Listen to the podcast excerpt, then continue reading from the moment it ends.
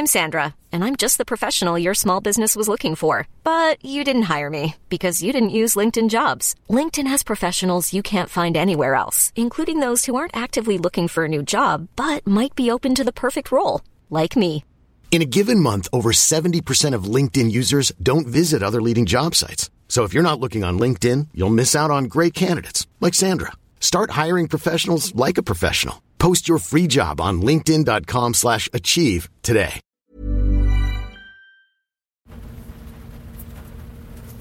Halo pendengar GGMI Podcast, baik lagi bersama kita berdua dan memasuki fase musim dingin alias bursa transfer winter sudah dibuka dan kita mulai masuk ke ronde yang baru di mana MU dikabarkan tertarik untuk mendatangkan winger asal Prancis yang sekarang bermain di Selhurst Park aka Crystal Palace yaitu adalah Michael Olise. Gimana Kak Revin?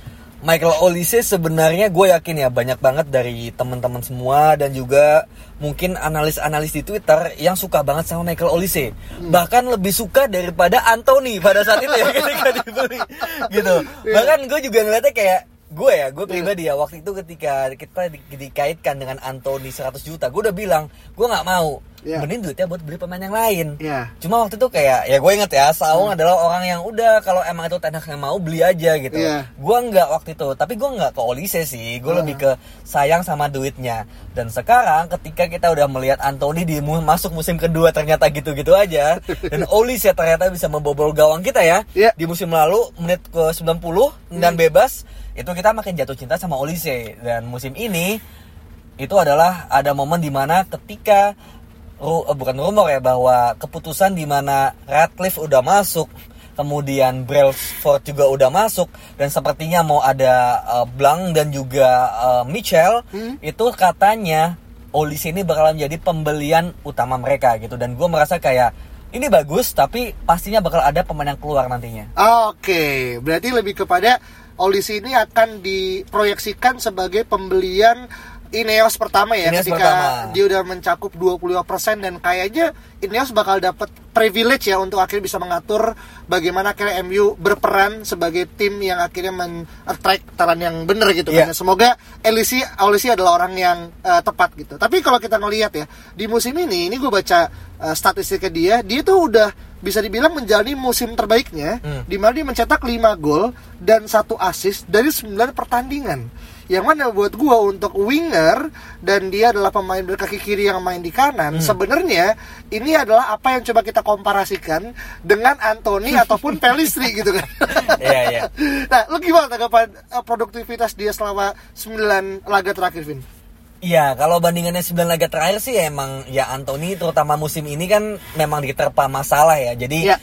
Kadang-kadang gue melihat bahwa ini hal yang berbeda. Cuma Olise pun juga dia kena cedera juga. Iya. Dia cedera lutut kalau nggak salah. Jadi dia sempat nggak bisa masuk ke eh, apa kemarin ya eventnya. Gue lupa Piala Dunia ya kalau nggak Iya, salah. iya. Eh, bersama Prancis dia nggak jadi masuk.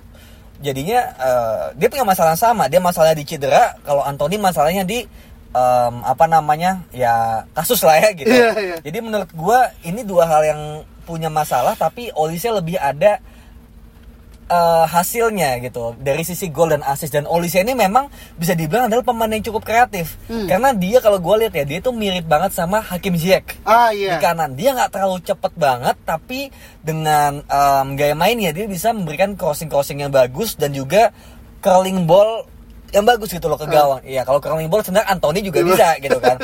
Cuma di luar daripada itu, asisnya itu gitu yang bikin Olise ini bisa bikin asis kayak Ziyech dan juga apa ya? eh Olise ini sebenarnya sayap tapi yang eh, karena gue bilang kreatif ya, kayak Ziyech juga. Jadi Ah. sering masuk ke dalam. Ah. Kalau Anthony kan di luar doang, di pinggir kan, di pinggir mencoba masuk, mencoba masuk sendiri, nggak ada support, kemudian dia shoot gitu, Ah. ketebak. Tapi kalau Olise dia tuh mirip amat dia loh sebenarnya. Ah iya. Jadi eh, pemain sayap kanan tapi di half space Hmm. di nomor 8 gitu loh. Nanti sayapnya yang ngisi adalah back sayapnya. Ya. Let's say di MU mungkin Dalot atau Wan Bisaka. Jadi Ya. seperti itu. Dari situ karena posisinya lebih ke dalam dia bakal bisa kombinasi dengan penyerang atau dengan nomor 10 atau dia bisa eh, shooting gitu dengan jaraknya nggak terlalu jauh kayak Anthony. Anthony di pinggir kemudian masuk masuk masuk masuk kejauhan effortnya buat mau nge-shoot. Hmm. Ujungnya ya nggak dapet apa-apa gitu sih. Dan menariknya, ini gue tadi pas sebelum kita take, gue nonton videonya Olisi di YouTube ya 10 menit sebagai bagian dari referensi ketika kita take podcast dan ada satu poin menarik di mana disebutkan dari footballstat.com kalau tipikal bermainnya Olisi itu adalah playmaking winger. Hmm. Nah ini another termin yang buat gue juga sama kayak lu bilang Anthony itu apa? Eh, defender apa? Defensive winger. Defensive winger gitu. nah lu apa yang lu bisa coba artikan Vin dari playmaking winger dari Michael Olise Vin? Apakah dia bisa bermain sebagai AM juga mungkin atau ada termin-termin yang mungkin bisa jadi referensi juga untuk uh, football modern Vin? Iya, tadi gue bilang bahwa dia adalah sayap kanan yang kreatif gitu. Itu Ya. sebenarnya udah menggambarkan ya bahwa memang dia itu kreatif dari sisi kanan dan kemiripan ya gue samakan dengan Hakim Ziyech. Ya. Yang mana Ziyech ini juga bukan nomor 10, tapi Ya. dia sayap kanan masuk ke dalam cut inside dan kemudian dia bisa mengkreasikan dari sana. Kayak Juan Mata juga. Ya. Juan Mata juga bisa di 10, bisa juga di kanan. Juan Mata di zamannya Louis van Gaal. Ya. Ya kan? Dia sayap kanan. Oh, malah ada ada termin baru kalau Iya. untuk Juan Mata pada saat itu. Ya. Tahu nggak namanya apa? Apa tuh? False winger. Oh iya. Kalau ingat ya, namanya Benar. false winger. Jadi dia winger tapi bukan winger. Winger tapi kayak playmaker, makanya dibilang false winger gitu. Jadi sebenarnya bisa dibilang juga Olise atau Ziyech antara uh, playmaking winger atau juga ya false winger itu kurang lebih sama yang dia karena sayap itu kan identiknya dengan gocek-gocek. Ya. Kemudian lewatin lawan, tapi dia enggak. Dia masuk ke dalam kreatif dan crossingnya bagus gitu. Oke, berarti ini lebih kepada kayak kebutuhan akan permainan sepak bola modern yang akhirnya ngebuat selain versatile, tapi dia juga akhirnya bisa memenuhi apa yang eh, diminta oleh pelatih dan bisa jadi itu adalah tantangan atau mungkin bahkan peluang untuk pemain-pemain yang sekarang masih merasa pemain sayap itu ya kalau nggak lari cepet kalau nggak dia bisa gocek-gocek Joga Bonito atau enggak ya yang dia kayak tipikal yang kayak Rashford yang langsung nusuk dan Iya. cetak gol gitu kan dan Olisi buat gue adalah eh gue nggak tahu ya apakah misalkan lu bilang dia mirip kayak Ahmad Diallo tapi kalaupun masuk gue yakin pasti dia ahead of Ahmad Diallo ya Iya, pasti. iya kan secara gameplay dan segala macam tapi yang menarik juga Vin kalau Olisi ini ternyata dia itu udah malang melintang di klub-klub Liga Inggris gitu Iya. kan nah kita ambil dari ketika dia baru pertama kali mulai debut sepak bolanya di Inggris dia tuh main di akademi Arsenal Hmm. di usia 14 tahun 16 tahun dia cabut pindah ke Chelsea. Yang mana notabene itu dari rival ya. Kalau ngomongin akademi segala macam gitu kan. Dan di usia 18 dia pindah ke City. Dan 19 barulah dia uh, dipindahkan ke Reading. Dan di Ah. Reading itulah dia akhirnya mendapatkan jam terbang main Ya, pertama gitu kan. Jadi kalau lihat secara akademi dan juga ngeliat uh, gameplaynya Liga Inggris udah fasih banget gitu Ya. kan. Selain daripada dia akhirnya memilih untuk berkewarganegaraan Prancis Ya. gitu ya. Nah, lu ngelihat apakah itu advantage juga di usia yang masih sangat muda buat gue ya 22 tahun yang mirip dengan umurnya Anthony sebenarnya gitu. Iya menurut gua em, apa ya kayak kefasihan atau kebiasaan ya ba- bagaimana pemain ini tuh bisa udah terbiasa dengan atmosfer Liga Inggris itu bakal sangat membantu itu pastinya sangat membantu bahkan gue sempat baca Twitter bahwa kenapa kita nggak mulai mengambil pemain dari Liga Inggris gitu loh. Ya. daripada kita ngambil dari luar ya bukan nggak ada masalah gitu. Tapi ada momen di mana ketika kita eh, sifatnya untuk core-nya gitu loh untuk spine-nya itu kita ngambil dari Liga Inggris yang memang udah fasih udah kenal. Karena Liga Inggris dan Liga lain itu benar-benar beda gitu loh. Ada hal-hal yang lu di liga lain bisa tapi di Inggris nggak bisa. Karena lebih fisikal lebih cepat. Bahkan Amrabat aja yang kita pikir dia sejago itu kan Iya. katanya apa Liga Inggris dia juga kelabakan juga gitu loh bahkan kabarnya tidak diperpanjang nantinya ya Iya. sama MU gitu jadi memang banyak hal-hal yang adaptasi ini nggak gampang jadi Hmm. ketika ada pemain yang emang udah bisa di Inggris itu advantage banget makanya harganya tinggi Hmm. gitu dan Olise ini kabarnya eh, jadi gini gue lupa tahun lalu itu rilis clause dia cuma 30 juta Oke.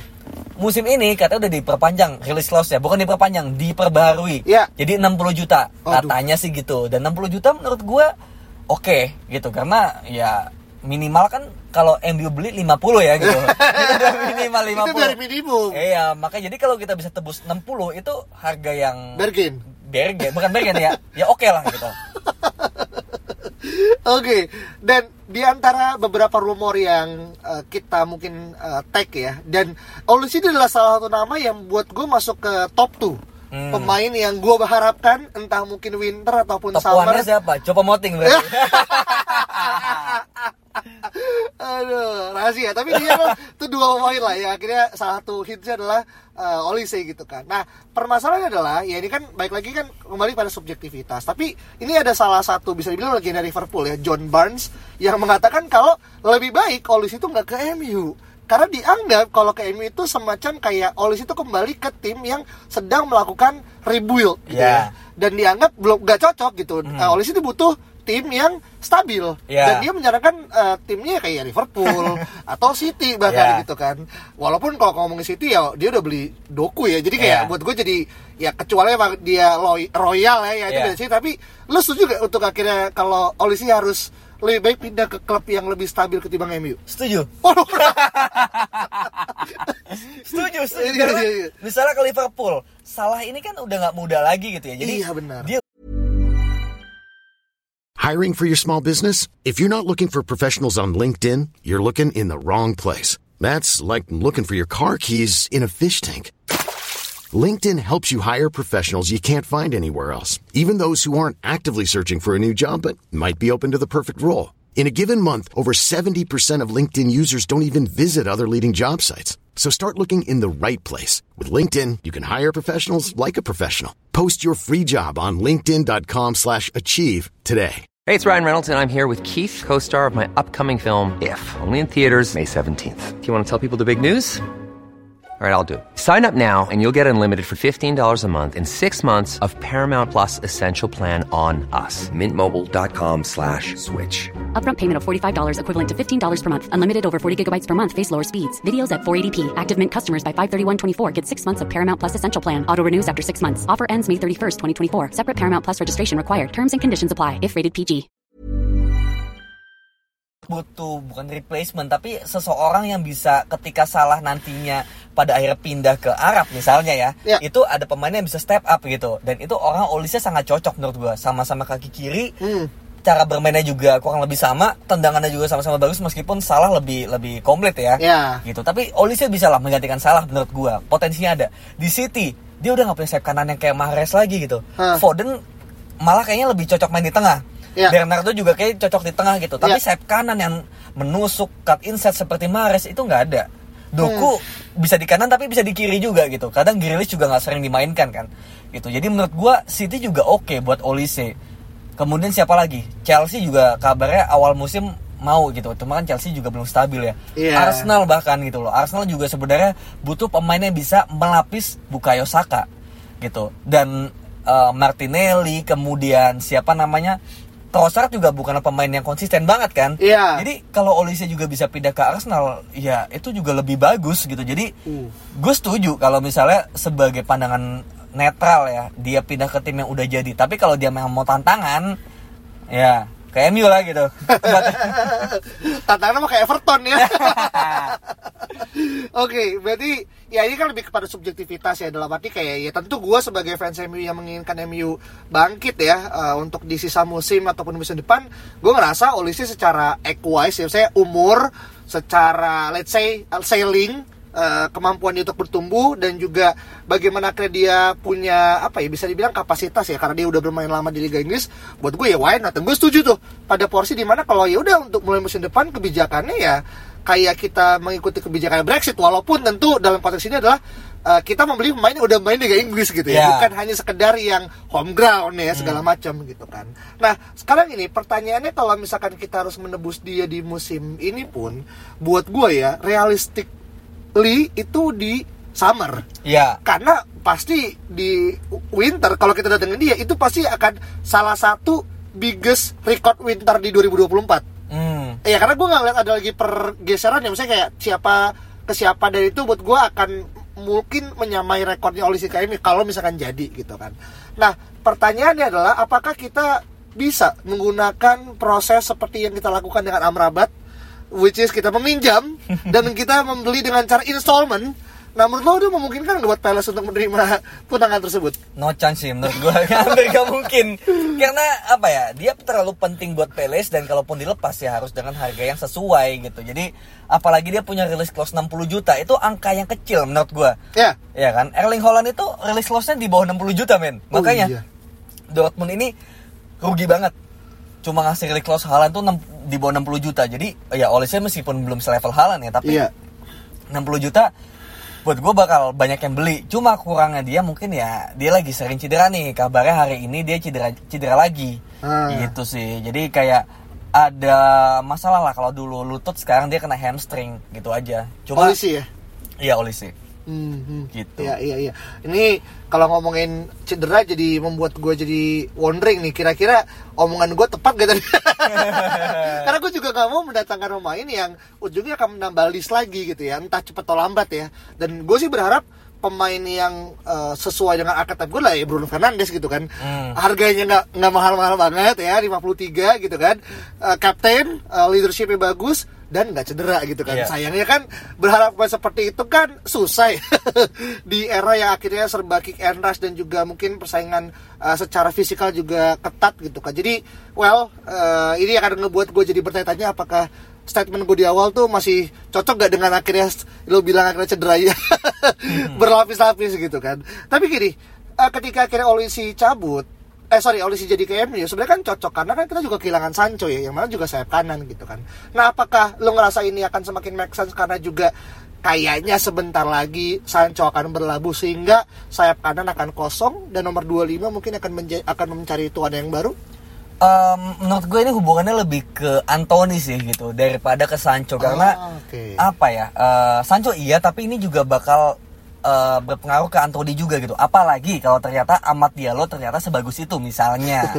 Gitu. Ini bakal lebih sulit lagi karena gue tidak melihat kayaknya ada Anthony sama Olise dalam sayap kanan yang sama gitu loh.